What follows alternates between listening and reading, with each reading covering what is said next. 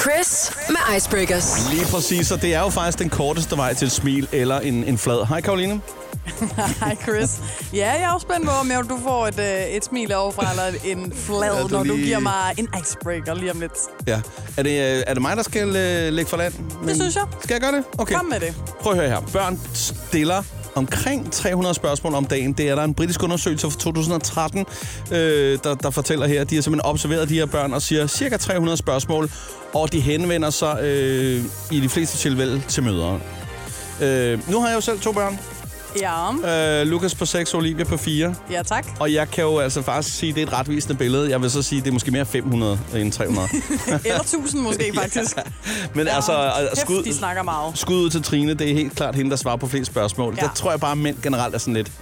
Ej, jeg håber ikke, øh, så så må de lige spørge igen, hvis det virkelig er vigtigt. Det er fordi børn, de har gennemskuet, hvem det er, der er det klogeste og overlegne køn, ikke?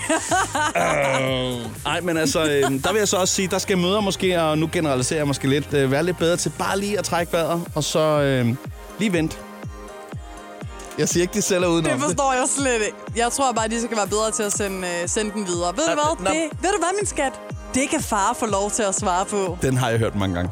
Ja, og det er så de men eneste mor, spørgsmål, du får. hvad så med? Det er dem, der er blevet sendt videre Ja, ja, ja, ja, til dig. Ja. Hold kæft, men jeg har også øh, små brødre på 5 og 7, 8. De snakker kraftedeme også meget. Ja. Uhuhu. ja, det er sindssygt. Anyway, jeg har også taget en øh, lille icebreaker med til dig i dag. Ja, tak. Så vi- må vi se, om det bliver smil eller en flad.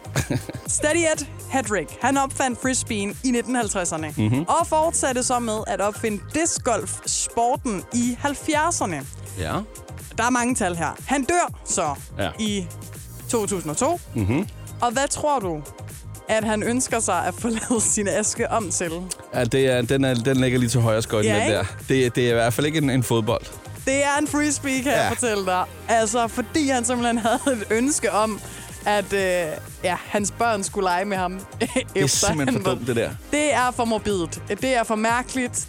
Du Det- det... er sær. Undskyld, men det er jo mærkeligt. Der sidder lige nu en bedemand i en bil på et sted på en, i, i, i Danmark på Og en lugter motorvej. penge. Og, Og og lugter lugter penge penge. og tænker, prøv at høre, vi dropper de der kedelige urner. Nu skal folk skulle have lov til at vælge, hvad de vil være, når de er aske.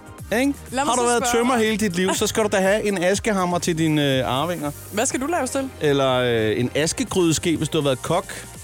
Ja, det kunne man. Ja, jeg skal mikrofon. måske Mikrofon. bare være en aks- askemikrofon, ja. Høretelefoner. Stå og spytte i den. Ej, Jeg skal bare have en stor statue inden foran øh, Christiansborg. Ja, men der kan jo ikke gøre det. Det er Nej, jo klart. det tænker en jeg- rytterstatue det er meget mig. med Karoline ovenpå. Ja, Yes. skal vi ikke snart have nogle flere kvindelige øh, rytterstatuer? Det er, jo, jeg, øh, st- jeg Jeg stemmer kunne blive den for. første.